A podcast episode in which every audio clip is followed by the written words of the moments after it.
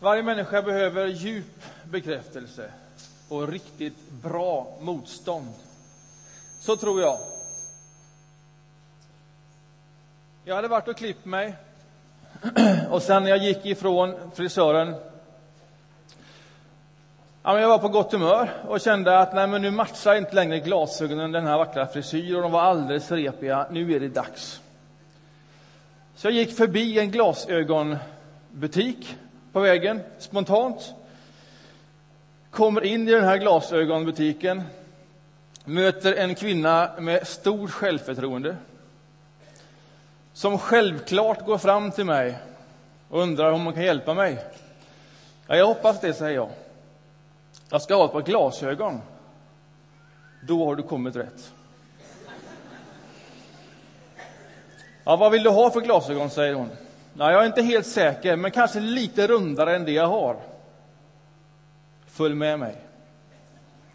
Och ni vet hur det ser ut i en glasögonbutik. Det är alldeles för många glasögon på en gång och på ett ställe. Man blir sjösjuk bara av miljön. Och så går vi fram och så tar hon ett par glasögon och så säger de prova dem. Nej, tar bort dem. Tar ett par till. Prova dem.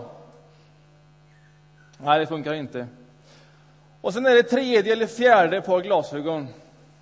Så tittar hon på mig och så säger hon Ja, nu är vi framme.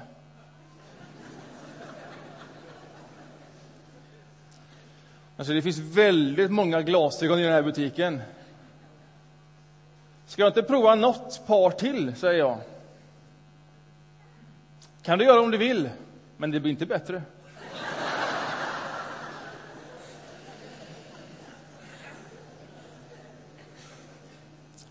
Sen tittar de på mig länge, skapar lite osäkerhet.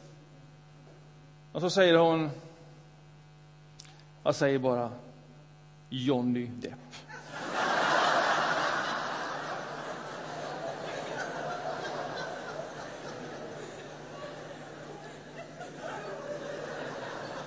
Jag? Ja, men jag tror jag tar de här glasögonen. Det var mitt livs snabbaste glasögonköp. Sen har det smugit på en, en, en lite grann tvivel i efterhand. Det är inte många som köper den där Johnny Depp-grejen, har jag förstått.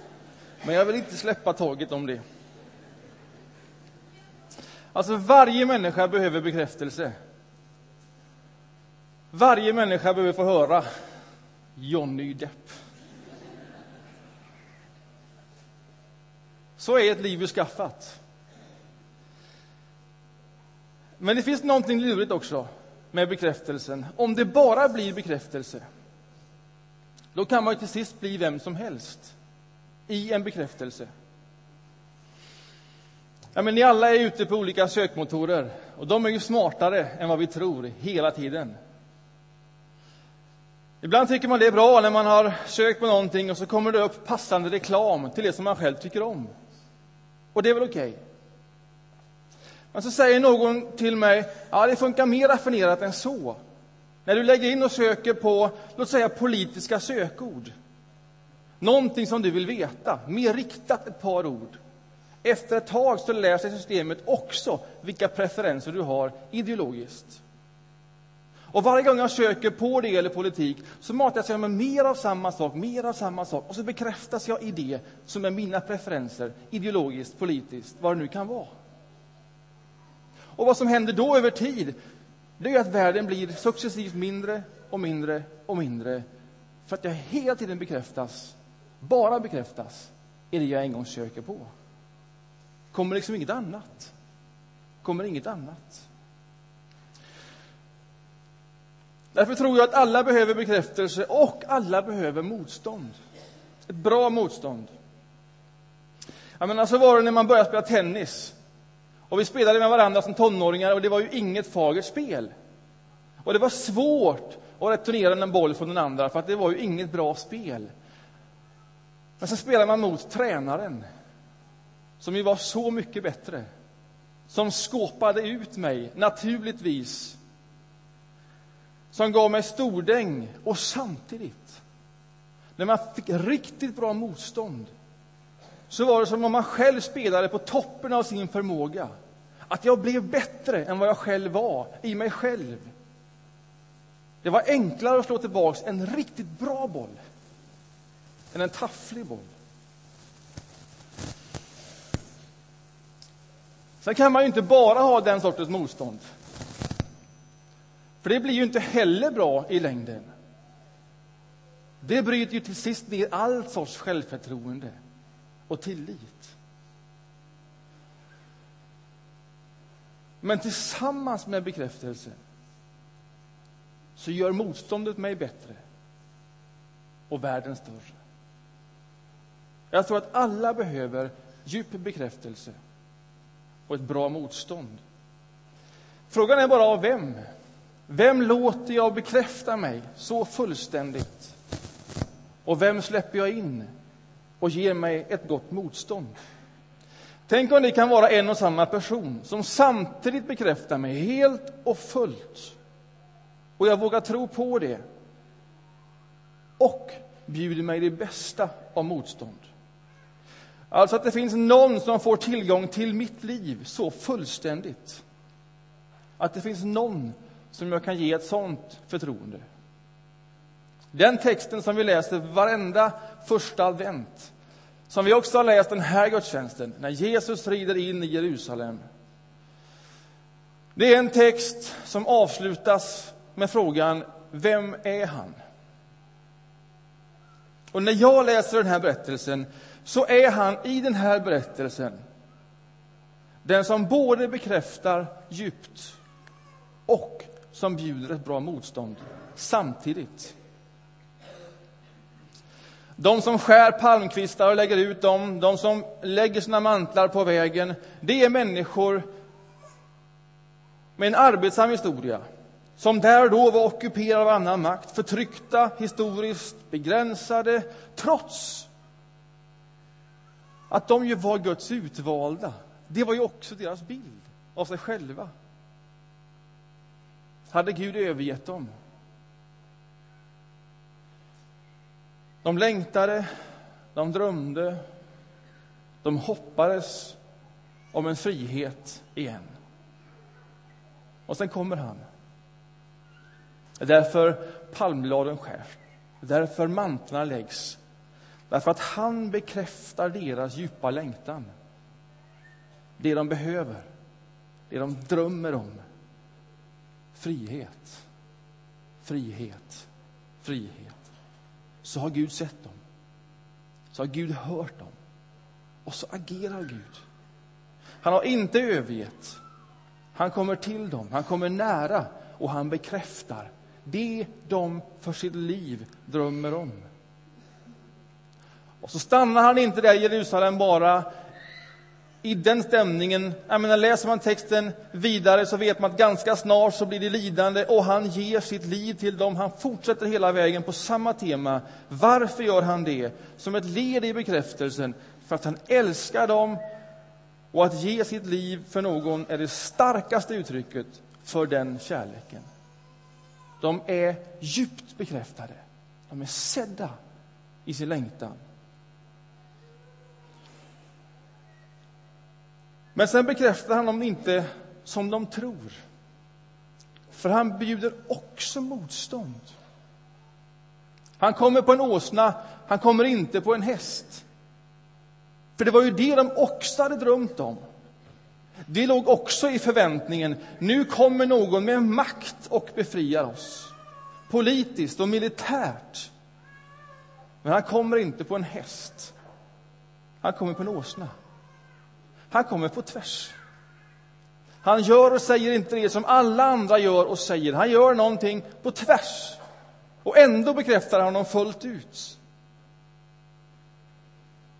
Han möter dem inte uppifrån. Han möter ingen uppifrån när han rider in. Han möter alla i ögonhöjd på en åsna. När alla andra säger uppåt, uppåt, mer, mer, så gör han nej, neråt, neråt, mindre, mindre. När alla säger ta makten, det är det enda som gäller, ta makten, så ger han ifrån sig makten. när alla säger försvara dig, för allt i världen försvara dig, så tar han emot och låter sanningen visa sig själv. Samtidigt som han bekräftar dem djupt så bjuder han motstånd i deras sätt att tänka och förvänta saker. Vilken röst lyssnar du på som säger dig något annat än vad nästan alla andra röster säger? För rösterna som definierar ett gott liv de är ofta samstämmiga. Hur ett lyckat och lyckligt liv ser ut, det vet ju nästan alla.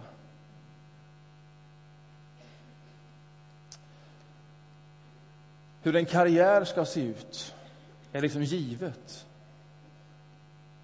Mer ansvar, mer att säga till om, ekonomi som kopplas till det, frihet över tiden. Ja, men allt sånt som är givet. Så ser det ut, så lever vi, det är våra villkor. Men finns det någon röst som i allt detta också säger om du har blivit anförtrodd mycket att säga till om, varför och för vem? Om du har blivit anförtrodd mycket ekonomi, finns det någon röst i ditt liv som säger varför och för vem? Om du har frihet med tid, varför och för vem?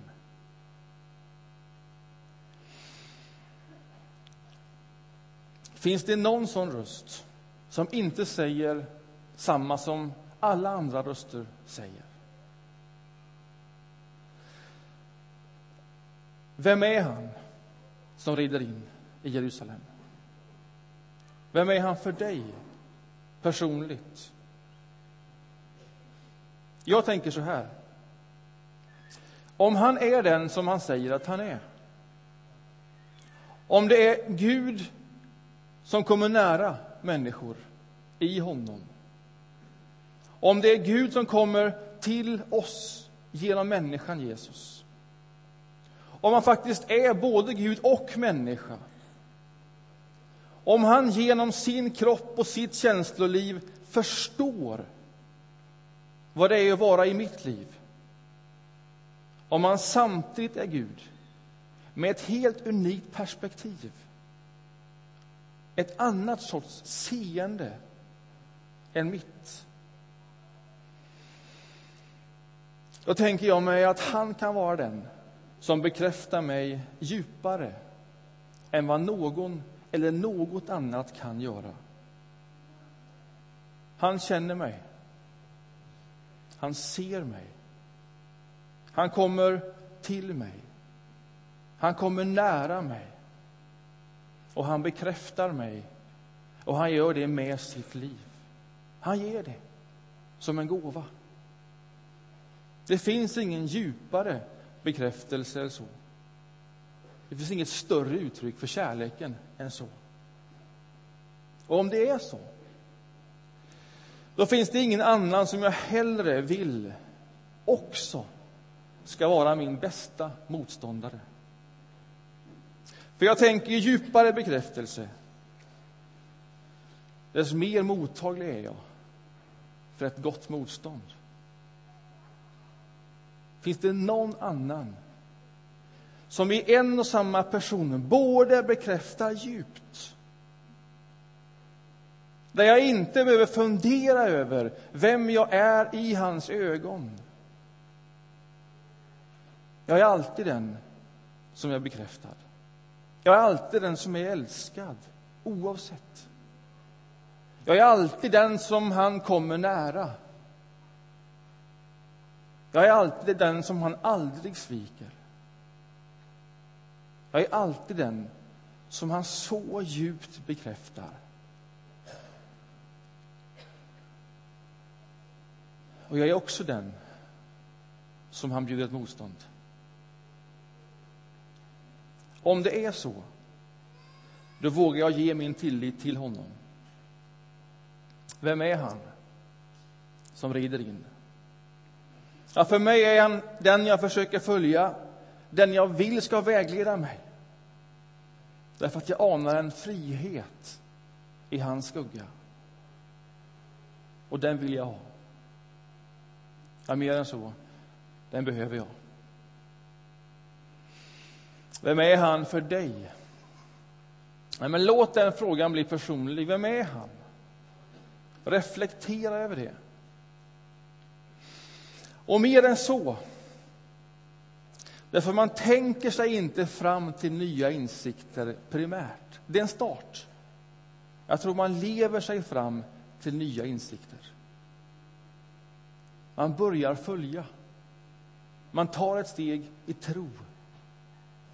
Varje gudstjänst här, så också den här gudstjänsten, firar vi nattvard. Man får ett bröd i handen och vin och det symboliserar Jesus Kristus.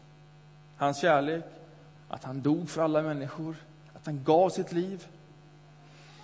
Man kan ta steg fram och ta emot bröd och vin och man gör det i tro. Som om det var han man tog emot. Som om det i det låg all bekräftelse i världen.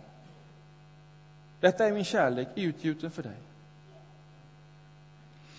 Och det fina med tro, att ta emot i tro, det är att man inte måste leva upp till någonting. Därför att du är redan bekräftad. Tro låter dig leva in i någonting. Som om det vore sant om ditt liv. Som om han är där också för dig. Och då kan det bli personligt. Det kan bli ett liv. Och när den tilliten byggs, när den bekräftelsen blir min, när den djupa bekräftelsen blir mitt liv, då är jag också öppen för ett gott motstånd. För jag tror alla människor behöver bli djupt bekräftade och ett gott motstånd. Amen. Får jag förena oss i en bön, sen ska vi lyssna på en sång.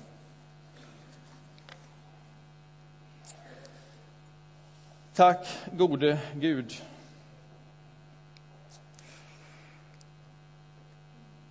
För den här berättelsen som vi läser varje år så här dags. Tack att det inte bara är historia, utan att denna historien också säger någonting om nu. Att så som du rider in, där och då, så kan du ta dig in här och nu i ett rum som det här, i ett liv vilket som. Och där möta den djupaste längtan, det djupaste behovet. Så önskar jag för var och en av oss. Amen.